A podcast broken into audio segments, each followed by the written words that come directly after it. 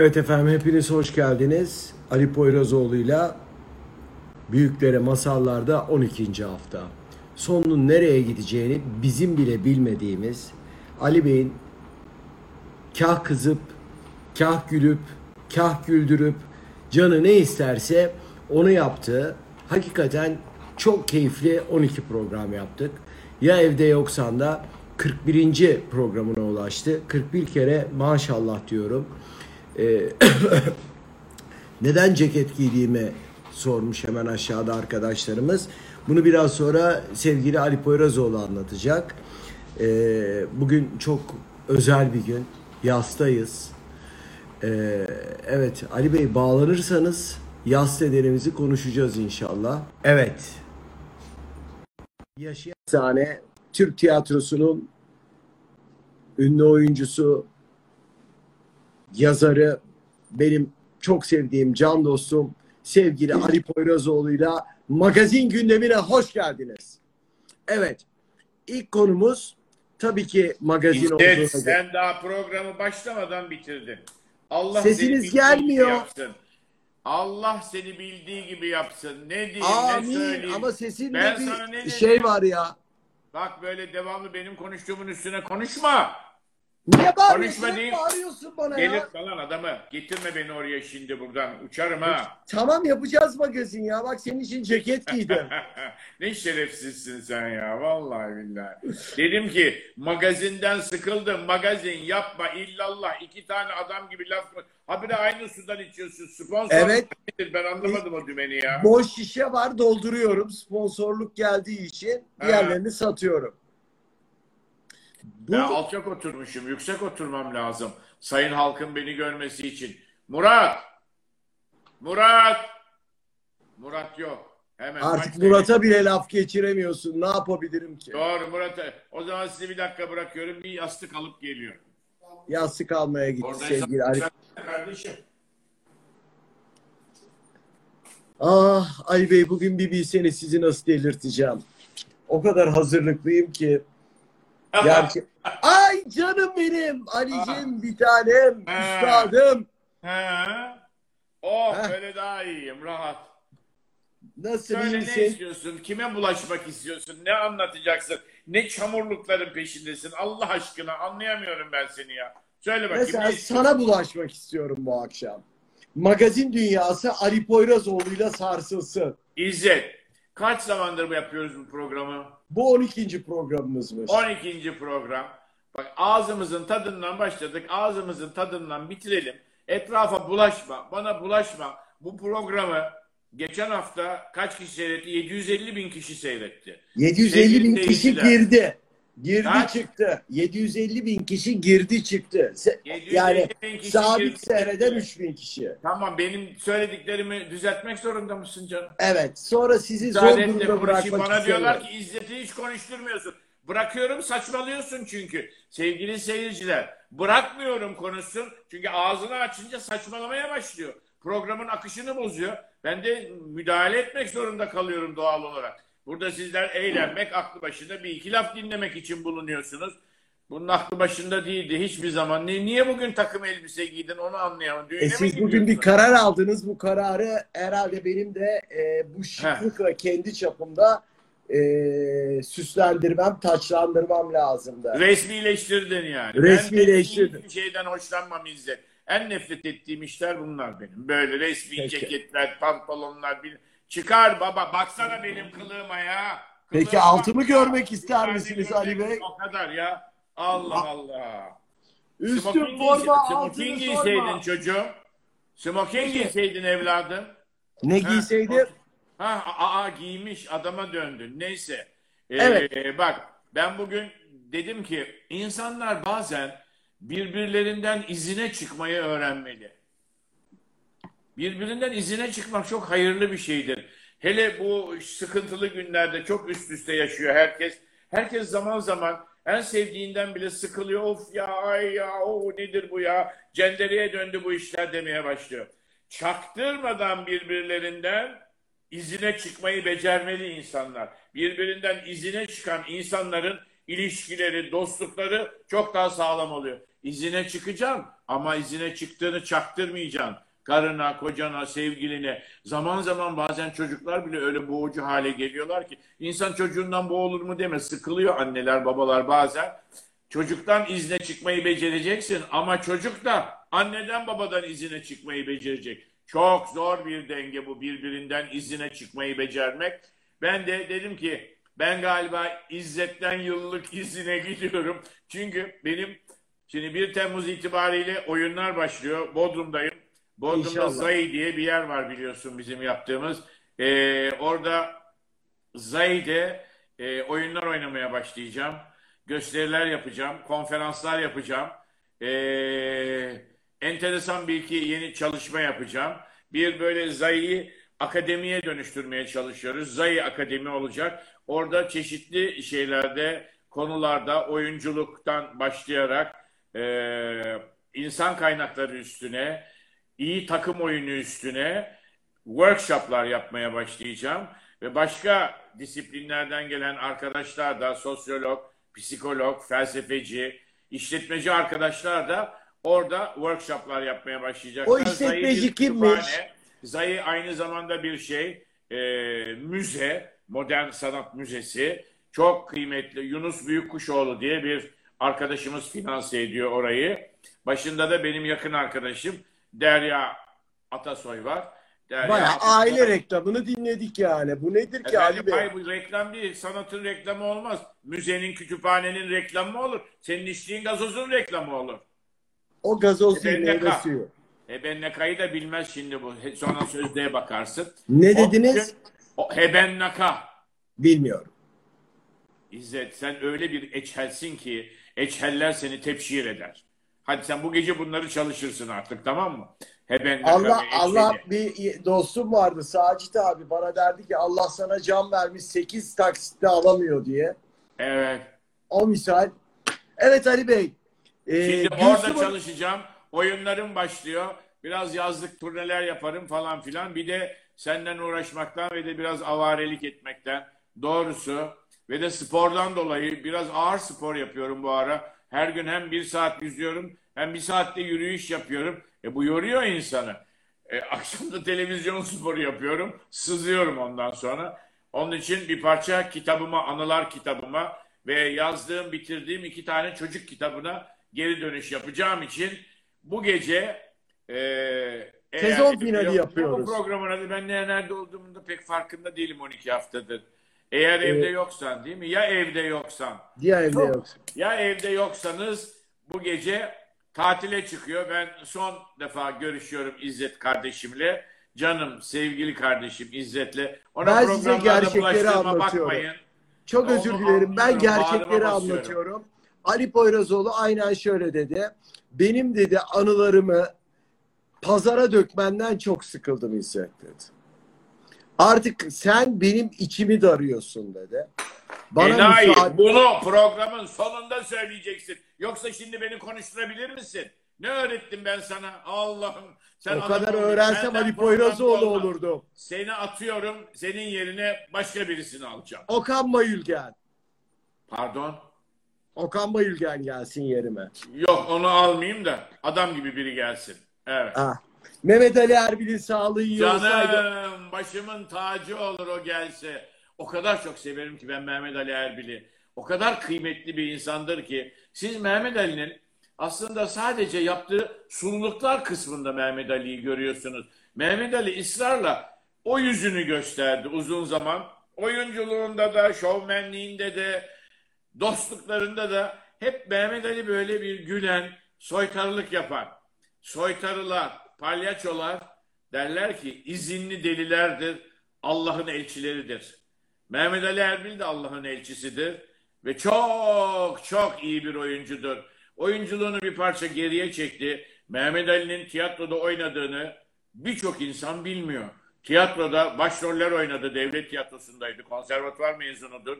Sağlam eğitim almıştır. İyi hocalar zamanında sağlam eğitim almıştır. Ve örneğin Peter Shaffer'ın Küheylan oyununda çıktı ve parladı. 1973. Yani döktürüyordu sahiden. Ee, Ve ödül de aldı değil mi o oyunda? birkaç oyunda da oynadı. Gözlerimi kaparımda da oynadı. Ödüller aldı alsın hakkıdır helal olsun. Sinemada da çok iyi işler yaptı. Ama daha çok şovmenliğiyle, televizyonda yaptığı eğlence programlarıyla zihinlere çakıldı. Ama Mehmet Ali Erbil sahiden çok kıymetli, çok değerli bir sanat ve kültür insanıdır. Evet gerçekten. Mehmet Ali'ye selam göndereyim buradan. Mehmet Ali öpüyorum gözlerini. Mehmet Ali kocaman belki. öpüyoruz. Çabuk bir an önce iyileş aramıza katıl.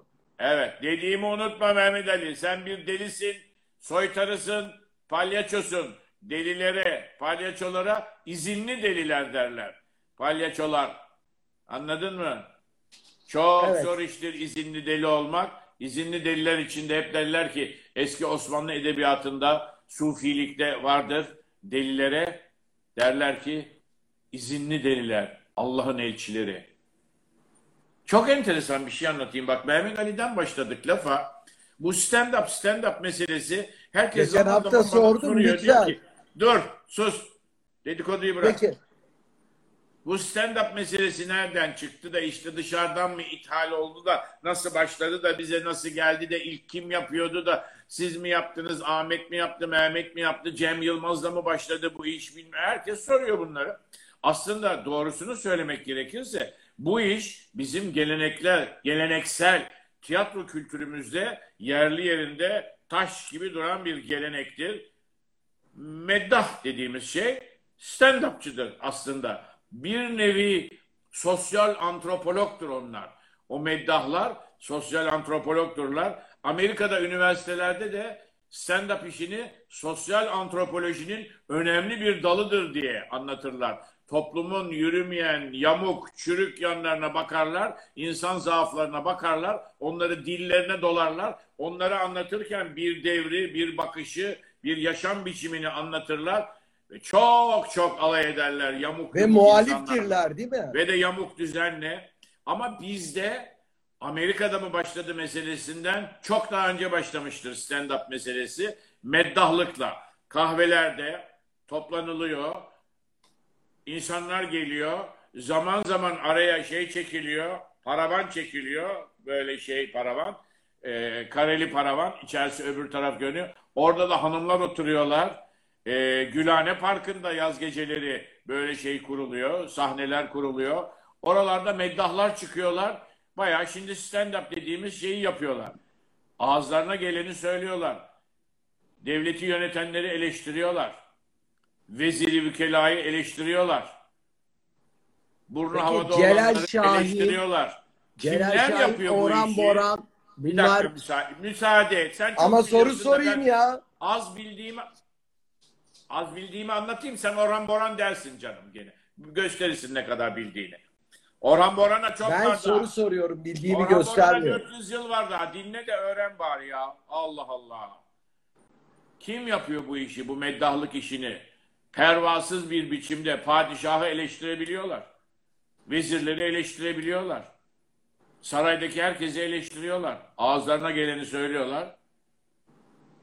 İstanbul'un en meşhur meddahları cami imamları. Üsküdar Camii'nin imamı Süleyman Efendi, Topkapı Camii'sinin imamı Cemal Efendi, Cihangir Camisi'nin imamı Osman Hoca, bunlar imamlık yapıyorlar, namaz kıldırıyorlar, sela okuyorlar, sonra da kahvelere gidiyorlar, meddahlık yapıyorlar, stand-up yapıyorlar, müthiş bir sert mizah diliyle sistemi, olanı, biteni fevkalade bir şekilde eleştiriyorlar ve bunların hepsi cami imamları. Stand-up bizde cami imamlarıyla Osmanlı'da başlıyor. Ondan sonra falan filan filan filan filan filan oluyor. Sonra Celal Şahin'e geliyoruz, İsmail Gümbüllü'ye geliyoruz. Sonra Orhan Boran'a geliyoruz. Ama Orhan Boran, Celal Şahin falan filan döneminde benim açtığım Yeşil Kabare'de de ciddi bir biçimde stand-up Oraya gelmeden Orhan Boran, Celal Şahin arasında çok fark var herhalde. Sen anlatıyorsun ama değil mi? Arada yıllar var. tarih şeridi yaparsam daha rahat. E biraz önce bana onun için bağırıyordun Ali'ciğim. Anladım. atlama ben diye. bir bağlamda bazı şeyleri yerli yerine yerleştirmeye çalışıyorum. Sen laf salatası yapıyorsun. Buyur devam et o zaman anlat canım. Hadi. Ben bilseydim ben Ali Poyrazoğlu olurdum siz değil. Sen Ali Poyrazoğlu ol. Ben bu işten istifa ederim lan. Peki Ali Bey. Hayır bak çok önemlisi onlara gelmeden önce Yeşil'de Uğur Yücel var, Huysuz Virjin var, hatta işin başını çeken Müjdat Gezen var, Demet Akbağ var. Bunların hepsini ben çıkardım sahneye. Defne Yalnız'ı çıkarmış mıydın? Kimi? Defne Yalnız. Var mıydı? Ben mi yanlış Defne hatırlıyorum? yalnız yoktu. Hayır ne münasebet. Demet Akbağ vardı. Ee, Suna Yıldızoğlu vardı. Ee, Rasim Öztekin vardı. Nilgün Belgün vardı. Bunların hepsi stand-up yaptılar Yeşil'de. Hepsine, hepsini bu işe bulaştırdım. Aa, ama bunların içinde en kıyaklarından birisi ben yapamam, beceremem, beni bu işe bulaştırma diyen Seyfi Dursunoğlu'ydu. Huysuz virjindi. Müjdat hastalandı. Londra'da anlattınız çıkaracak- Ali Bey.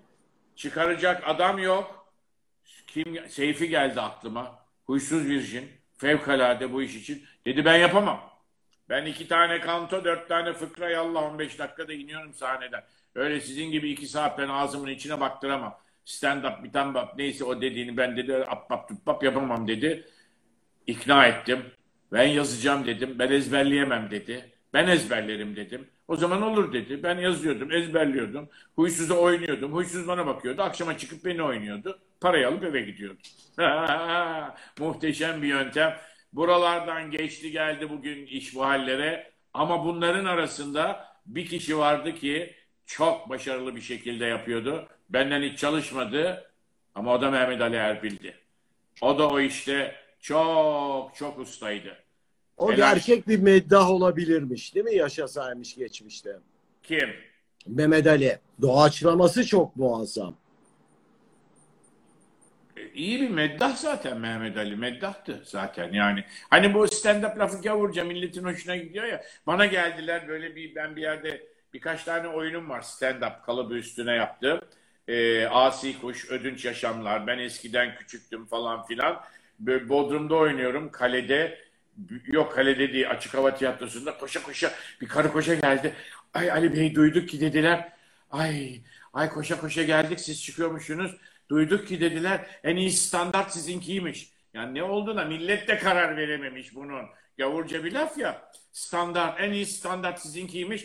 Biz hepsini gördük dediler. Cem Yılmaz'ı falan filan da seyrettik ama duyduk en iyi standart sizin. E, Gelin dedim oturun ben size biraz sonra sahneden standartı göstereceğim zaten dedim. Oturdular yani. Ya milletin de kafası karışık. Ayaküstü muhabbet ama tabii ki sosyal antropolojinin önemli bir dalıdır stand-up dediğimiz iş. Ama muhalif olması gerekiyor değil mi stand-up'ın? Amerika'da çıkış amacı bu aslına bakarsan. Türkiye'de biraz pop tiyatro haline geldi ve tiyatronun içini boşalttı senin deyiminle. Evet ben bunu söyledim ama niye söylediğimi izah edelim. Ee, hayır. Müthiş muhaliftir. Sanat ama yapısı itibariyle muhaliftir. Sanat yaşamın olağan gerçeğine bir karşı gerçek yaratır. Farklı bir gerçek yaratır sanat. O gerçek farklıdır. Siyaha beyaz bakışıdır. Beyaza yeşil bakışıdır ve mutlaka muhaliftir. Aydınlatır muhalif ışığıyla. Sıradan ve olağan gibi görünenin arkasına geçip görme işidir. Sanat dediğin zaten sanatın doğası bundan ibaret. Muhalif demişken bir fotoğraf göstermek istiyorum sana. Allah. Sayın yönetmen nasıl göstereceğim ben bu fotoğrafı dedim ve buldum. Neymiş bakalım?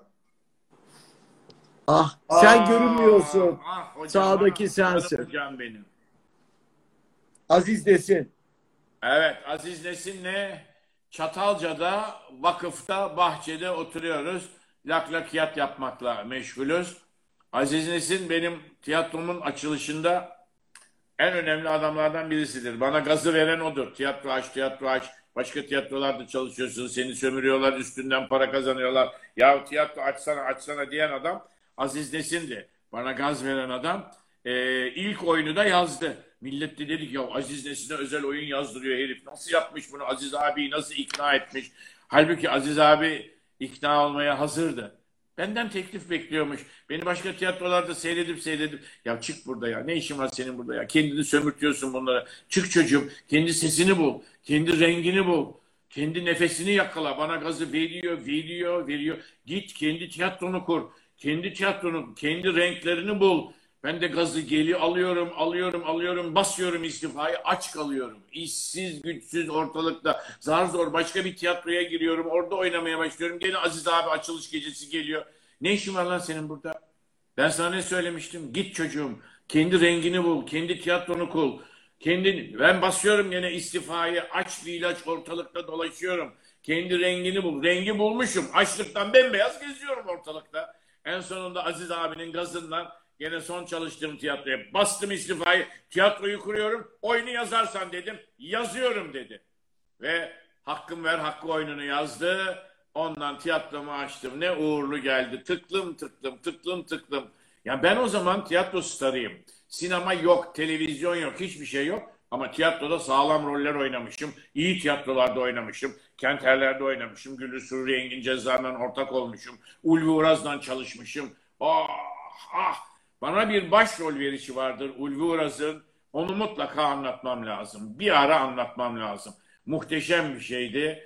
Aziz abi de birinci oyun tutunca ben anladım para var Aziz Nesin durursa arkanda. Hemen Çatalca'ya vakfa gittim Aziz abiye. Dedim bana şey yaz. Bir ikinci oyun yaz. Benim vaktim yok dedi. Ben senin gibi serseri değilim. Roman yazıyorum. İşim gücüm var benim dedi. İkna edemedim. O gün ikna edememiştim. Oturmuştuk bahçede yarenlik yapmıştık. Ve bana çok hoş bir şey göstermişti. Çatalca'da Aziz abinin, Aziz Nesin'in vakfı kurduğu arazi Allah'ın unuttuğu bir yer o zaman. Şimdiki gibi değil Çatalca. Sahiden yani dağ başı. Dağ başında toprak almış. Esiyor yaz günü bile buz gibi böyle gezerdi. Hiç üşümezdi. Böyle dolaşırdı. Bir şort üstünde bir gömlek vakıfta. Hem tamirat yapıyor hem inşaat yapıyor. Ve dedi ki gel sana bir şey göstereceğim dedi. Bu ancak bir Fellini filminde filan olabilir böyle bir şey. Her yer çamur içinde. Çamurların arasından geçtik. Ağaçların arasından geçtik. Çatalca'da çok büyük bir arazi almış. O zaman üç kuruş orası. Onu almış.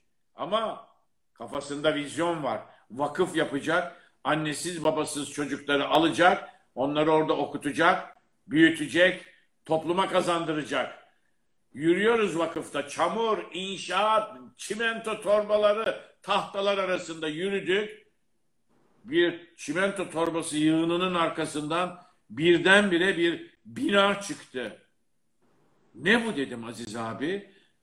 Çatalca'da tarlanın ortasında tarla dediğim ama büyük bir tarla. Vakıf inşaatı yapılıyor. Daha yatakhaneler yapılıyor. Dershaneler yapılıyor. Ama o bina bitmiş. Ne bu bina dedim. Bu dedi tiyatro salonu ve kültür merkezi. Önce bunu yapmak lazım dedi. İçine girdik. Her şeyi yapmış. Avizesini bile asmış tepeye. Işıkları almış ve bir tane de kuyruklu pahalısından yanılmıyorsam beş taneydi piyano almıştı. Bu ne olacak dedim. Çocuklardan piyano çalmak isteyen olur. Onlara konser vermek için gelmek isteyen sanatçılar olur. Onun için piyano şarttır bir kültür merkezinde. Onu da aldım dedi. Başka ne aldın Aziz abi dedim. Ah nur içinde yatsın. Gel göstereyim Ali dedi. Gittik ana binaya. Her taraf kağıt, her taraf dosya. Aynı anda 3 oyun, 4 roman, 5 hikaye kitabı yazıyor. Dosyalar var böyle üst üste. Bunu açıyor, başlıyor yazmaya. Eski Türkçe yazardı böyle. Yazıyor, yazıyor, yazıyor, yazıyor, yazıyor, yazıyor. Kapatıyor ondan sıkılınca. O bir hikaye kitabı bırakıyor. Oyunu açıyor. Oyunu yazıyor, yazıyor, yazıyor, yazıyor, yazıyor. Oyundan sıkılınca uyumuyor. Çay demliyor. Habire gece içiyor zehir gibi çayları sabahlara kadar yazıyordu. Kalemle ve dosya kağıdıyla değil. Hangi kağıtla yaptı bütün o vakfı biliyor musun? O kadar kitabı nereye yazdı Aziz Nesin? Gazetelerin kenarlarında hani böyle şerit gibi şeyler olur ya, boşluklar olur ya. Evet. Beyaz. Onları keserdi makasla, biriktirirdi. Zımbalardı, böyle şeritler yapardı. Şeritleri vardı. Vay. Oyunu yazdın mı diye gidiyorum. Al hazır diyor. Bu birinci perde, bu ikinci perde. Bir sürü şerit veriyor. Bir karıştırdın mı işin içinden çıkmana imkan yok. Onlara yazmış böyle eski Türkçe tıgıdık tıgıdık tıgıdık tıgıdık götürüyoruz. Onu yeni Türkçe'ye çeviren adam var. Adama veriyoruz. Şeritleri bir karıştırdık mı işin içinden çıkmaya imkan yok. Hani o diyorlar ya, ya Aziz Nesin bu absürt oyunları da ne güzel yazmış ya. Yani başı sonu belli değil ama derin bir fikir saklı altında. Yok lan şeritleri karıştırdınız salaklar. Onun için o hale geldi o oyunlar. Onların başı sonu belliydi. Ve beni içeri götürdü İzzet. Ne gösterdi bana? Büyük bir iftiharla biliyor musun? Dosyalar, kitaplar, kağıtlar, gazete koleksiyonları arasında ufak bir dev adam dağ başında vakıf inşa ediyor ve önce tiyatro binasını, kültür merkezini yapmış ve çekmeceler açtı. Çekmecelerin içinde ne vardı biliyor musun? Altın kaplama yemek takımları, çatal, bıçak, kaşık. Bunlar ne dedim? Ben çocuklar, fakir çocukları toplayacağım buraya diye hiçbir şey görmeden mi büyüyecekler? Altın kaşık, altın çatal, altın bıçakla yiyecekler. Hem görgüleri artacak hem dünyayla öyle merhabalaşacaklar. Allah rahmet eylesin. Nur içinde yatsın. Yani Nur Aziz için. abi hikayelerimi anlatsam sana huu, nur içinde yat abicim. Nur içinde yat.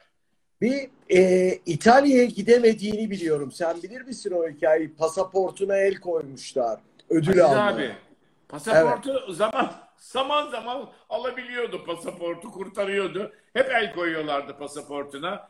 Zaten Aziz abi ya daha çok içeride dışarıda dinleniyor, çıkıyor, temiz hava alıyor. Sonra içeriye giriyor.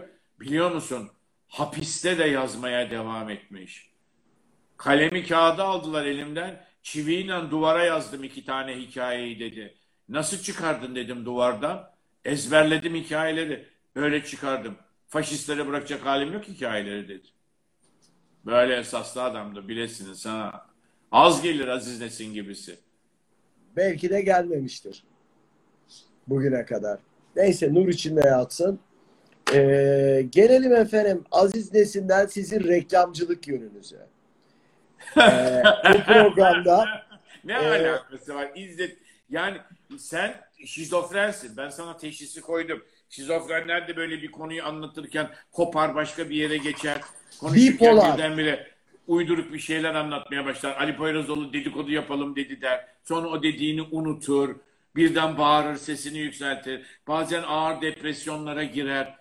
Yani tipik bir şizofren belirtileri var sende. kesinlikle kendinizi çok iyi anlatıyorsunuz Ali Bey. Tebrik Tipik bir şey. Ne alakası var Aziz Nesin'den benim reklamcılık dalaverilerimin ya?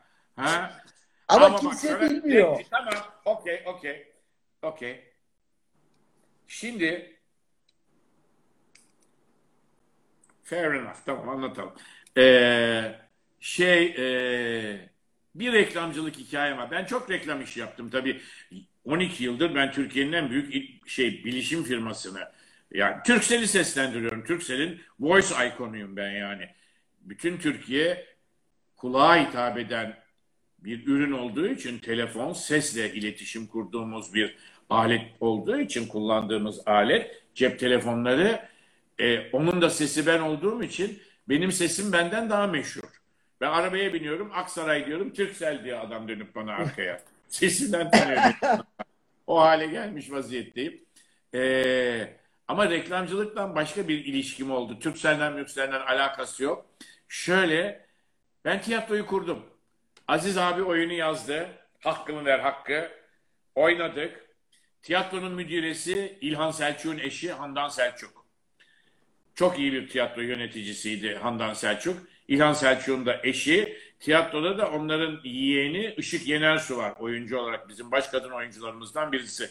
Devlet tiyatrosundan ayrıldı. Bana gelmişti. Beraber ondan çok güzel oyunlar oynadık. Hakkımı ver hakkıyı oynadık. İptekini oynadık. Çok güzel bir oyundur. Erol Toy'un oyunu. Ve John Falls'ın meşhur şeysini The Collector'ını oynadık. Ee, korkunç koleksiyoncuyu oynadık. Kelebek diye. Hey gidi hey, hey gidi ışık. Işık Yenersu. Selam. İzmir'deyiz turnede. Bizim ilk yılımız. İzmir'de bahçeler var. Şimdi yok o da hayal oldu. Hepsini yıktılar o tiyatro bahçelerinin, gazino bahçelerinin. 2500 kişilik tiyatro bahçesi, 3500 kişilik tiyatro bahçesi. Böyle şeyler vardı. O bahçeleri yıktılar. İzmir'in Kültür Parkı'nı otopark yaptılar. Sonunda rahatladılar. Otopark yaptılar. Orada içim sızlıyor dolaşırken bazen. Orada benim için yapılmış bir tiyatro var biliyor musun? Adı da İzmir Sanat Tiyatrosu. Ahmet Priştina, İzmir'in eski belediye reisi, benim yakın arkadaşımdı. İçki arkadaşımdı. Çok sevdiğim bir dostumdu. Ee, bir akşam oturuyoruz İzmir'de. Ben oyun oynamaya gitmişim. Konuşuyoruz bilmem ne. Ya bahçelerin hali bilmem ne bir kısmını da yıkıyorlar. Başlamışlar. Şikayet ediyorum ben. Yok Ahmet zamanı başlamamıştı. Şeyle başladı. Koca Aziz Aziz Koca Büyük müydü soyadı? Aziz. Aziz Bey'le başladı işte. O yıkımlar, o canım tiyatro binalarının yıkımı. Hayır yıkıyorsun yerine bir şey yapacaksan yık. Yıkmayacak, yapmayacaksan orayı otopark yapacaksan niye kültür parkı mahvediyorsun be adam? Orası İzmir'in akciğeri. Nefes alıyor insanlar orada. Bu konuda susmayacağım. Söyleneceğim. Başka şeylerde de mecralarda da. Ee, oyun oynayacağız. Çamlık Senar Bahçesi'ni tuttuk. Çok popüler bir bahçe. Ama bilmiyoruz tabii acemiyiz. Ben daha ilk patronluk yılım. Handan abla gitti kiraladı orayı. Büyük bir bahçe. 2000 kişi alıyor. Çok güzel. Parayı götüreceğiz. İstanbul'da oynuyoruz 300 kişilik salonda, İzmir'de 2000 kişilik salonda ve biliyoruz ki İzmir seyircisi İstanbul'da ne kadar büyük tiyatro varsa İstanbul'un bütün kış 8 ayda 9 ayda seyrettiği oyunları 2 ayda seyrediyor, 2,5 ayda seyrediyor ve tıklım tıklım dolduruyor. İstanbul'da öyle tiyatro seyircisi yok. 2000 kişilik bahçede İstanbul'da oynayacaksın. Her gece oynayacaksın. Yok öyle hikaye ve bir sürü tiyatro yan yana. E, Şey geliyor, Deve Kuşu geliyor Zeki Mekin. Dormen Tiyatrosu geliyor Haldun Dormen. Kenterler geliyor. İşte Gönül Ülkü Gazanfer Özcan geliyor. O dönemin baba tiyatroları. Onlar gelmişler. Bahçeleri tutmuşlar. Paraları da var. İlan, ilan, ilan. Biz şimdiki fakir tiyatrolar gibiyiz. Geldik. Az paramız var. Çamlık senarı tutmuşuz. Bizim haberimiz yok. Çamlık senar böyle düşün dikdörtgen. Sahnenin arkası karakol. Devamlı arabalar gidiyor geliyor. Aa! Can kurtaranlar geliyor, arabalar geliyor gidiyor. Oyun oynamaya imkan yok. Bu tarafında bahçe var. Sünnet yapılıyor orada. Sünnet düğünleri bahçesi. Ben sahneye çıkıyorum. En dramatik anı oynayacağım. Oğlanın çükünü kesiyor. Aa! Hayda alkış bilmem ne. Oyun oynamaya imkan yok. Burada sünnet bahçesi, burada karakol, ortada biz. Millet biliyor. Bahçeye pek iltifat edilmiyor zaten ama biz kelek duruma düştük artık acemiliğimizden. Gittik.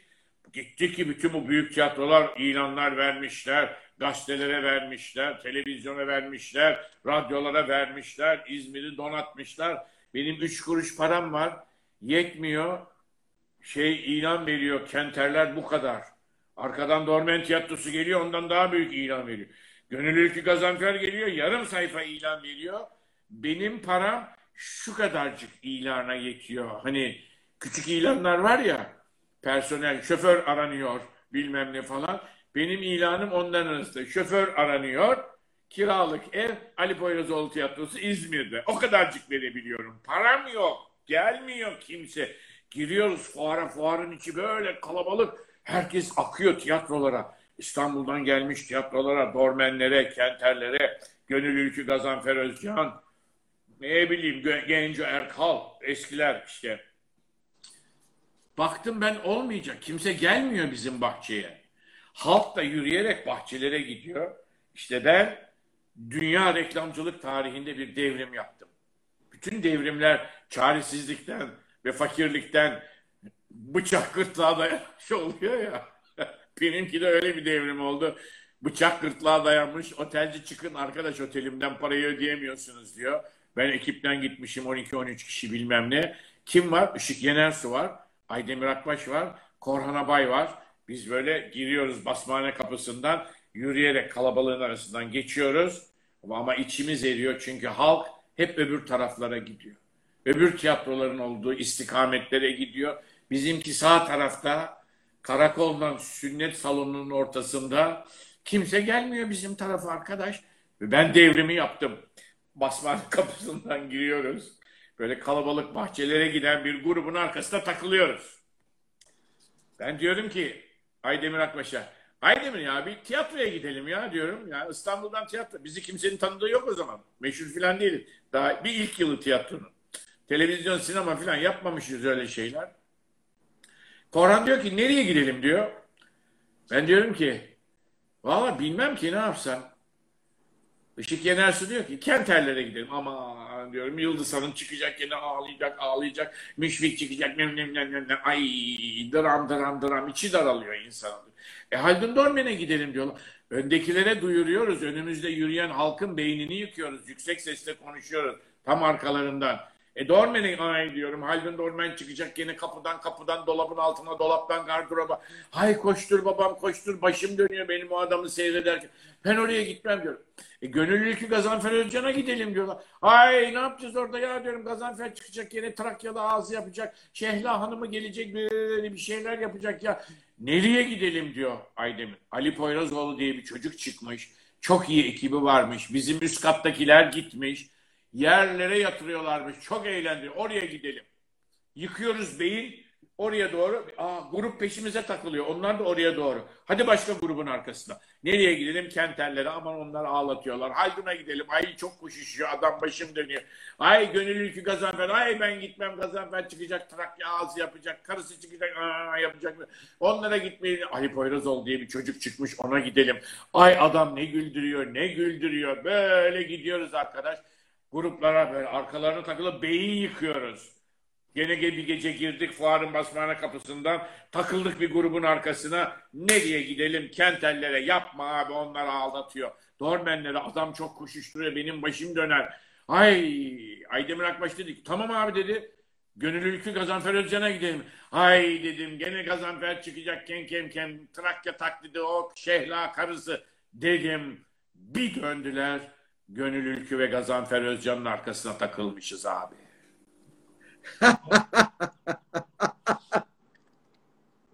Onlar ve ekibi kendi tiyatrolarına gidiyorlarmış. Biz onları tiyatrolara giden müşteri grubu, seyirci grubu diye beyin yıkıyoruz arkadan. Gazanfer abi bir döndü. Bir baktı bana böyle yani hiçbir şey söylemiyor. Beyefendi adamdı. Çok beyefendiydi Gazanfer Gönül abla da bir şey söylemiyor. Böyle bakıyor bize ama buz gibi bakıyorlar. Bir şey söylemiyor. Gazanfer Özcan ama yani bu itler mi yeni tiyatrocular? Mesleğin geleceği bunlara mı emanet ediyor? Bu serseri takımı mı? Bunlardan ne köy olur ne kasaba demiyor adam ama bakışında bunların hepsini ben okuyorum. Baktı baktı böyle baktı. Yani siz ne malsınız yerine böyle yaptı. Yürüdüler gittiler. Aradan yıllar geçti. Gazanfer Özcan jübile yapıyor İstanbul Açık Hava Tiyatrosu'nda. İşte bizler de ünlü tiyatrocularız. Hepimiz çıkacağız. Bir şeyler yapacağız. Ben de çıkacağım. Stand-up yapacağım. Beni de davet etti Gazanfer abi. Gel dedi. Sen de boy göster bakalım dedi. Tamam. Gittim. Kuliste bana dedi ki ne anlatacaksın? Vallahi sağdan soldan ben oyalarım bu kalabalığı dedim. Zor kalabalık bu dedi. İçeride 6 bin kişi var dedi. Bana bak dedi. Sakın İzmir'deki rezilliği anlatma dedi. Abi dedim ben öyle şey yapar mıyım ya dedim ya. Aa, delirdin mi sen? Ama gaza aldım çıktım hemen anlattım. 6 bin kişiye yıkıldı ortalık. Yıkıldı. Yıkıldı. Of nur içinde yatsın. Nur içinde yatsın çok severdi. Gazanfer Bir de biliyorsun tabancaya falan da çok meraklıydı Gazanfer amca. Neye? Tabancası falan vardı. Tabancayı çok severdi. Vurmadı beni hiç. Yani vurulmalık bir durumdaydım ama çekmedi tabancayı. De Allah. kurşuna acımıştır. Acıdı bana herhalde. Ay, Gençliğime Allah. verdi. Allah rahmet E eylesin. Şimdi de genç tiyatrocular herhalde bizim arkamızdan böyle işte Ali Poyraz'dan o herif kim ya? Yok. Senin kadar hem zeki hem kötü olan bir arada kimse yetişmedi tiyatroda. Pardon bir daha söyle. Hoşum. senin kadar zeki birisi yetişmedi tiyatroda. Zeki'den başka bir şey daha söyledi. Yok yok aman aman aman. Aman Ben aman. seni yakalayacağım bu programdan sonra bir yerde. Sen Alaçatı'da dükkanı açıyor musun Cahide'yi? İnşallah açıyoruz. Ha, ben İnşallah. gelirim Alaçatı'ya hesaplaşırız. Herhalde. Ha. Gülsüm Hanım dedi ki geçen hafta Gülsüm ses... Hanım değil. Gügü de Rothschild. Kadın asil ayol dövüsü var. Dö. Allah'ını seversen ya. Asil bir Fransız. Asil kadın ya. Monaco prensinden flört etmiş bir kadın ya. Ne diyorsun sen ya? Gügü falan değil mi böyle? Matmazel Gügü. Ha. Dedi ki Bir şey de öğrenmek istiyorum. Bu. Matmazel Gügü'nün senin dükkanında bu şey işlerine de baktığı doğru mu? Arada bir gelip bütün düşmüş prensesler öyledir ya. Yani hani masadan masaya hanımlar arası trafik. konsumasyon. Ya öyle işleri de o idare ediyor diyor. Doğru mu ya? Ona Diyorlar biz de soruluyor. göz yumuyoruz. Var mı abla iyi bir mal diye elinde öyle mi? Göz yumuyoruz. Göz yumuyorsun. Ya bırak Ama beni- diyorlar ki yok elimizde iyi bir mal ben varım deyip gidip kendi oturuyormuş masalara. Bu doğru mu? Ya program bittikten sonra beni arayacak lütfen. Lütfen. Beni de arar üzülme. Dedi ki geçen hafta dedi e, Sezen'i anlattı. Yalnız dedi o hep Sezen'i çıldırtan da hali dedi. Yanlış anlattı dedi. Hele bir E.T. Kim hikayesi. çıldırtıyordu? Yanında Hele 24 bir saat ki- beste yapan, gürültü yapan bir komşu var ya. Damlarımız hikayesi var ki onu damdan dama. anlatsın dedi. Onun damından bana, benim damdan onun eve giriliyor. O damdan içeri giriyor. Yukarıdan, alttan kapıdan değil. Damdan giriyor, iniyor merdivenlerden aşağıya. Evi teftiş ediyor. Böyle bir komşu yani. Çocuğuna ben bakıyorum. Çocuk bizim evde büyüyor. Yani ne var? Ne, ne olmuş? Ee, Kim kimi delirtmiş? e, bir E.T. hikayesi var dedi. Sezen'i bağırırken sana bunları kim öğretiyor diye onu anlatması Sezen, lazım. bak, tabancası, o, Sezen'in tabancası da vardır ha bak. O da tabancalılardan bak. Ha. Hayret, o beni o gün vurabilirdi aslında. o, o, o da vurmadı. ya şimdi geçen hafta anlattım galiba. Belki her, herkes her hafta izlemiyor bizi herhalde. Sezen'le biz komşuyuz yan yana oturuyoruz. İşte ahbaplık ediyoruz bilmem ne falan filan. Hanımefendi devamlı besteler yapıyor. Ben de dinlemekten bunalıyor. Aslında çok kıyak besteler yapıyor. Bak o bana getirip bu iyi olmuş mu dediği bestelerin hepsi klasik oldu. Sade Sezen söylemiyor. Türk müziği söyleyen, Türk pop müziği söyleyen herkes söylüyor Sezen'in o dönemde yaptığı ve sonradan da yaptığı her şeyi. Yani Senden mi ilham Sezen aldı demek istiyorsun? yorumculuğunun dışında yani muhteşem bir besteci, bir söz yazarı. Demek Ozan. ben ona iyi geliyormuşum. O, o dönemde yaptığı bestelerin hepsi klasik oldu. Mithat Can da evin içinde hikayeyi tabii halkın anlayabilmesi için takip edenlerin minik bir özet yapayım. Mithat Can ticaret yapmak istiyor. Ufak çocuk daha 7-8 yaşında köşeyi dönmek istiyor. Anasında hiç öyle bir huy yok. Anası müsrifin teki. Sezen Aksu kazandığını harcıyor. O Mithat Can şey olacak, iş adamı olacak, köşe dönecek. Böyle bir tutkusu var o zaman. Ee, geliyor bana anlatıyor ve bir gün geldi dedi ki anlatayım bak bunu güzel bir daha anlatmış olayım. Abi dedi ben okuyamayacağım benim sonum ne olacak? Niye Mithat Can dedim. Babanın işi var. Sinan Özer babası. Babası da bizim tiyatronun müdürü. Ben evlendirdim. Bizim tiyatronun müdüründen Sezen Aksu'yu evlendirmişim. E babası turizm şirketi kurmuş. Durumu gayet iyi. E Sezen Aksu'nun da durumu iyi. Oğlan geldi diyor ki abi ben okuyamayacağım. Biz mahvolduk. Annem beni okutamayacağını söyledi. Mithatcan niye böyle söylüyorsun dedim. Sezen Aksu'ya Müjdar, Müjdar'da böyle müteahhit yan var ya. Müjdar demiş ki Sezen'e bir gün evde otururlarken ne bu mutfak ya demiş. Koskoca Sezen Aksu'nun böyle mutfağı mı olur ya? Yaptırsana doğru bir mutfak kardeşim demiş. Sezen sallamamış tabii. Nonşalan olduğu için he, ta- takmaz fazla öyle her şeyi. Müjde demiş ki ben yaptıracağım bu mutfağı sizi kurtaracağım bu sefillikten demiş. Müjde de böyle söyleyince Sezen'in canına bindi. Yaptır anasını satayım demiş. Müjde müteahhit olarak inşaat işine girmiş. Sezen'in mutfağını yaptıracak birilerini bulmuş. Yıktırmış ortalığı bilmem ne falan. Muhteşem bir mutfak yaptırıyor Müjde. Çok pahalıya çıkıyor ama. Habire para, habire para. Sezen de arkasından diyormuş ki bu müjdar bizi mahvetti çocuğum. Bu müjdar bizi mahvetti. Dalga geçiyor Sezen. Ve Mithatcan'a demiş ki ben seni artık okutamam Mithatcan okula gidemeyeceksin demiş. Mithatcan paniğe girmiş. Niye demiş. E, demiş ki yani bu müjdar bizi mahvetti. Artık paramız yok. Seni okula oğlan bana geldi. Abi dedi annem mahvolmuş. Nasıl mahvoldu oğlum dedim. Anamda para. Yok Müjdar annemi mahvetti dedi. Mutfak yaptırdı bize dedi. Annem mahvoldu dedi. Neyse kaka kaki kiki ben ona nasıl ticaret yapılacağı konusunda akıllar verdim. Gece kulübü aç dedim. Evlerin önünde havuzun kenarında. Mithatcan gece kulübü açtı. Gece kulübü battı. Fiyasko. Son çare olarak dedim ki parayı götürmek istiyor musun Mithatcan? Evet abi dedi. Anneni çıkar dedim. Ananı Mithatcan kapıdan fırladı içeriye gitti. Bunu tabii Sezen Aksu'ya anlatıyor. İçeriden Sezen'in çığlıkları geliyor. Hangi hergele öğretiyor sana bunları? Kim anlatıyor sana bunları? Geldi içeri benim çocuğumu delirtmek mi istiyorsun sen dedi. Ne var yani Sezen dedim. Herkesin kulübünde çıkıyorsun. Mithatcan'ın da kulübü var bak aşağıda. 6-7 tane iskemlesi var çocuğun. Babasının içkilerini araklamış götürmüş dizmiş güneşin altına. Çıksan ne olur yani dedim. Hikaye böyle başladı Mithatcan'ın tüccarlığı. Ama Mithatcan müthiş hayal gücü olan, anasından almış herhalde, müthiş hayal gücü olan bir çocuktur biliyor musun? Bir gün geldi içeriye, o zaman E.T. filmi var. E.T. yaratık hani böyle çocuklar beraber oynuyorlar falan filan ve finalde böyle bisikletlerle gökyüzünde kontrlümiyer yer böyle uçuyorlar ya filmin sonunda bisikletler ve öndeki bisiklette E.T. gidiyor. Mithatcan habire E.T.'yi seyrediyor. Buradan fikir almış. Ticari bir bakış. Startup bulmuş geldi bana. Abi dedi parayı buldum. Gir Mithatcan nedir iş dedim. Ben dedi çocuklar için yaş günü yeri açıyorum dedi. Çok güzel Mithatcan. Çocuk işinde para vardır her zaman dedim. Ne olacak? Yaş günü abi dedi. Fındık, fıstık bilmem ne balonlar malonlar.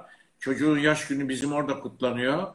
E dedim ve sonra dedi gökyüzünden böyle bir bisikletle bir adam geliyor. Bisikletin önünde bıçak var.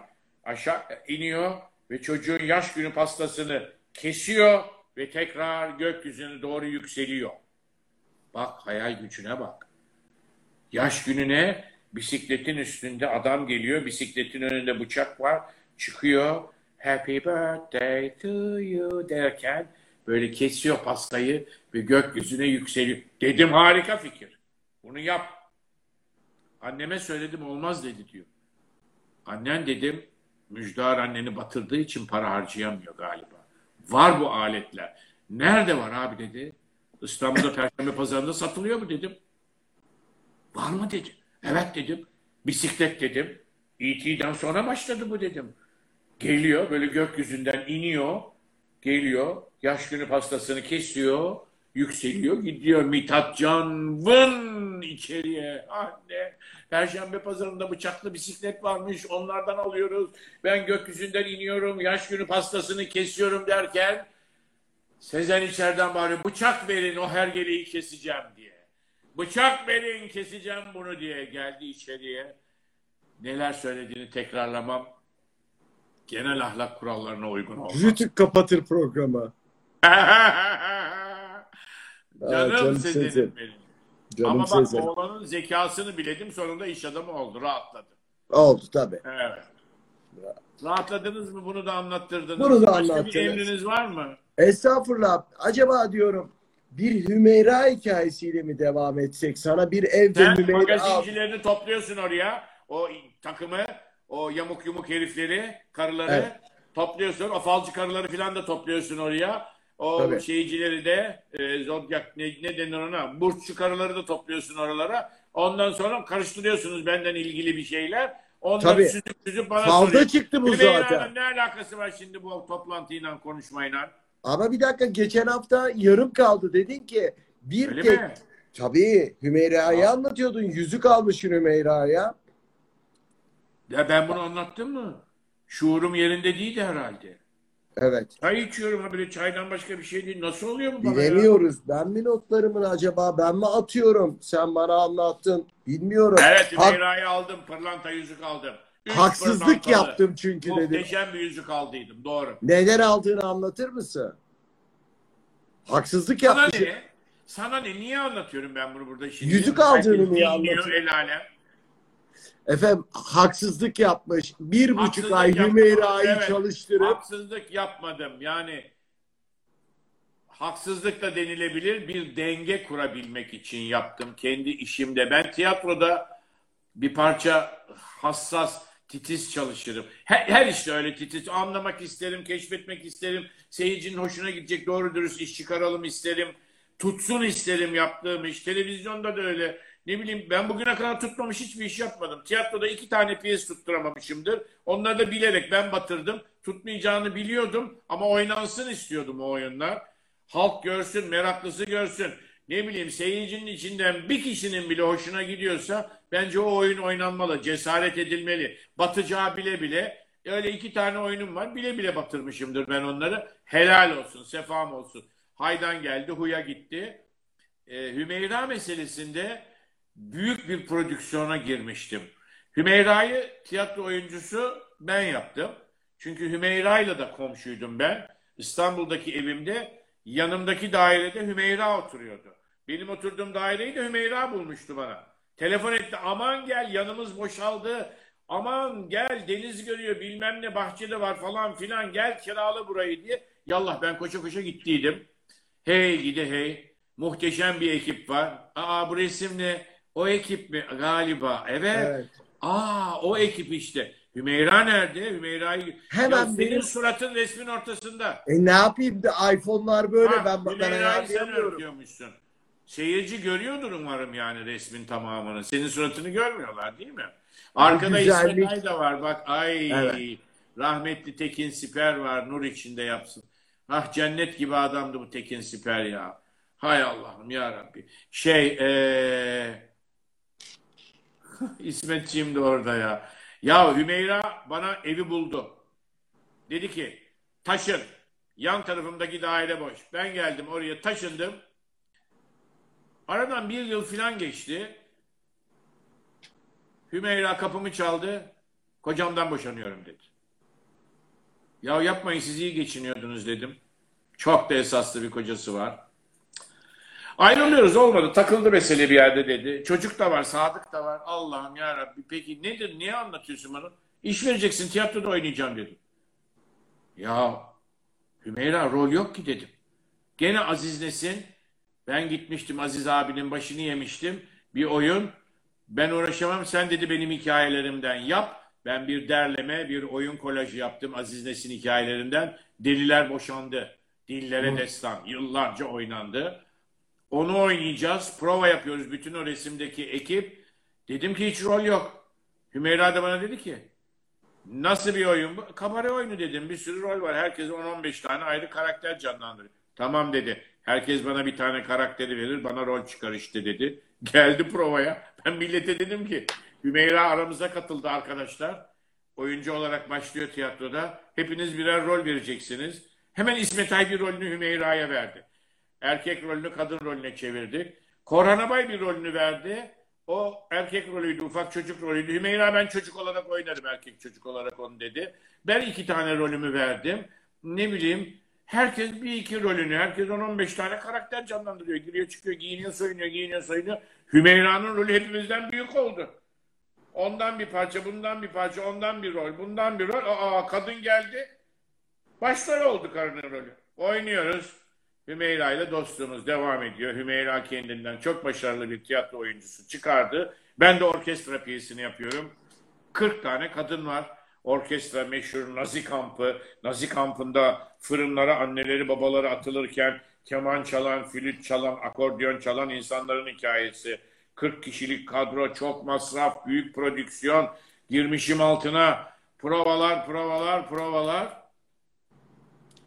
Hümeyra da Alma Mahler'i oynuyor.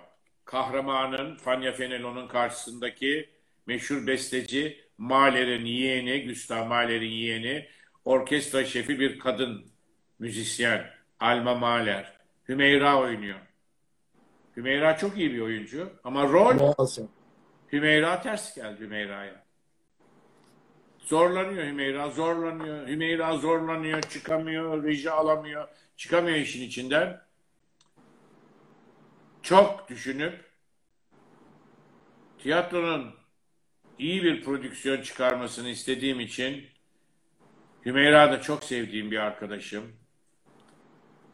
Hümeyra'ya dedim ki sen öbür oyunlarda çok başarılısın. Bu oyunda takıldın. Bu oyunun iyi olmasını istiyor musun? İstemez miyim dedi. O zaman sen oynamıyorsun orkestra şefin dedim. Aile faciası. Anlatmayayım detay.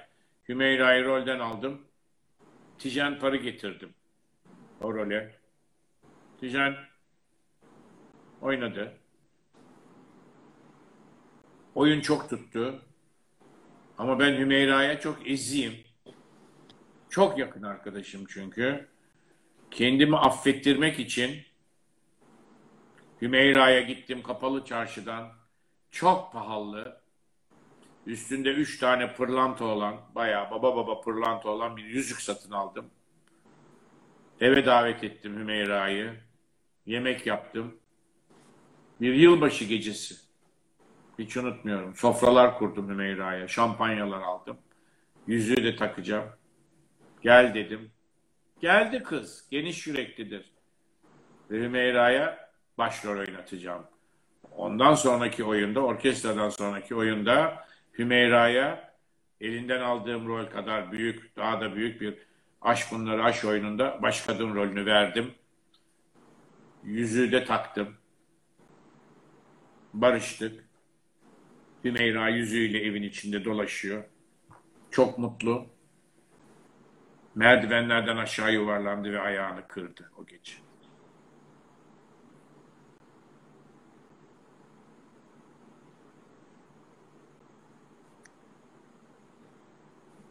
Son programın son dakikalarında yorum yapmayayım. Gözüm mü kaldı? Bitiyor mu program? Bitiyor iki dakika. Aa İzzet vallahi aksın gitsin hayat gibi. Yani bak ben sana bir şey söyleyeyim mi? Ben nasıl bir adamım? Ben bir parça Sufi felsefesiyle, Mevlana'yla, Şemsi Tebrizi'yle ilgilenen, onlar hakkında okuyan, onların söylediklerini yaşamının içine sindirmeye, oturtmaya çalışan, hala onlardan ve herkesten ve her şeyden, kendimden, hatalarımdan da öğrenmeye çalışan bir insanım ben. Sufi felsefesinde dendiği gibi ben hatalarımın üniversitelerinden mezun olmayı beceriyorum. Bir daha o hatayı yapmamak için, tekrar o hatayla yüzleşmemek için ve bir tıpkı Mevlana'nın söylediği, Şemsi Tebrizi'nin de söylediği gibi bir su gibi olmaya çalışıyorum. Su gibi akmaya çalışıyorum. Herkese de hani bırakıyorsun bu program bitiyor. 12, 12. bölümmüş. Bak güzel bir düzine yapmışız işte.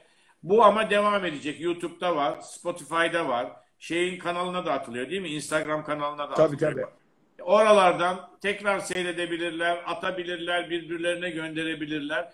Ama şu son hani bu dönemin son programında demek isterim ki benim izlediğim yoldan, Mevlana'nın yolundan, Şemsi Tebrizi'nin, Sufiliğin yolundan da gitmeyi denemek isterseniz açınız, okuyunuz, keşfediniz.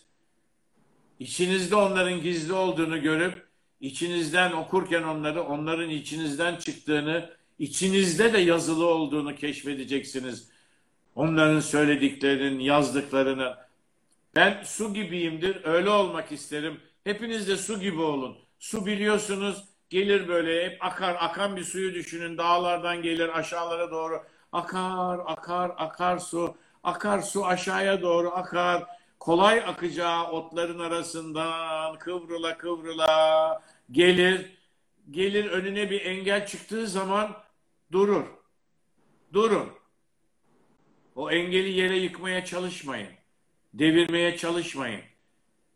Önünüze bir engel çıktığı zaman, birisi size bir şey engel olduğu zaman, bir işinize, bir şeyinize engel olduğu zaman etrafından dolaşın geçin. İtişmeye, tepişmeye lüzum yok. Engel çıkınca etrafından dolaşın. Su gibi akın, su gene akar. Aşağıya doğru iner, iner, iner. Bir kaya gelir karşısına. Önce kayanın dibinde birikir, birikir, birikir. Biriktikten sonra kayayı, sert kayayı aşmaya çalışır su. Aşar da zaman zaman. Önünüze sert kayalar çıktığında birikin, düşünün, hesaplayın, aşmaya çalışın.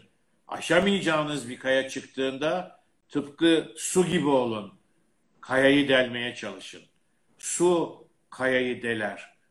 damla damla damla damla damla damla kayayı deler. Suyun gücünde değildir kayanın delinmesi. Suyun sabrında, sürekliliğinde, devamlı gitmek istediği noktaya doğru kendini, gücünü yönlendirmesindedir. Su o minicik gücüyle kayayı bile deler. Buna sufiler ve Mevlana ve Şeyh Bedrettin sabır diyorlar.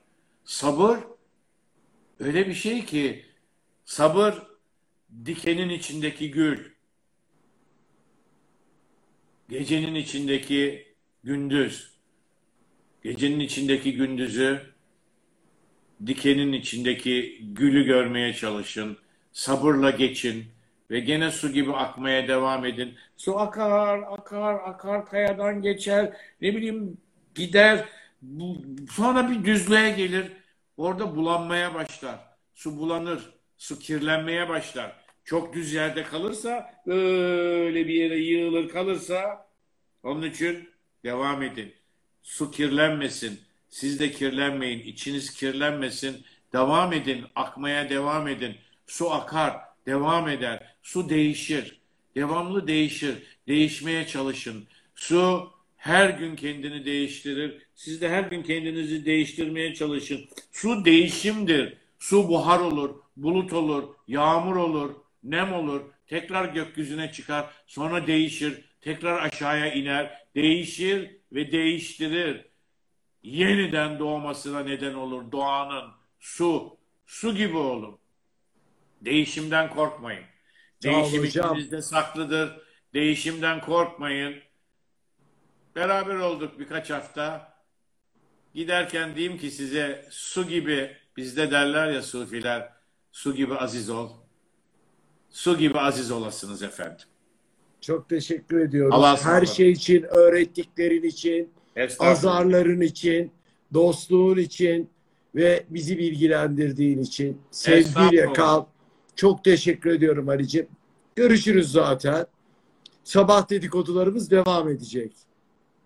Su gibi aziz olasın. Görüşmek üzere. Allah'a ısmarladık efendim.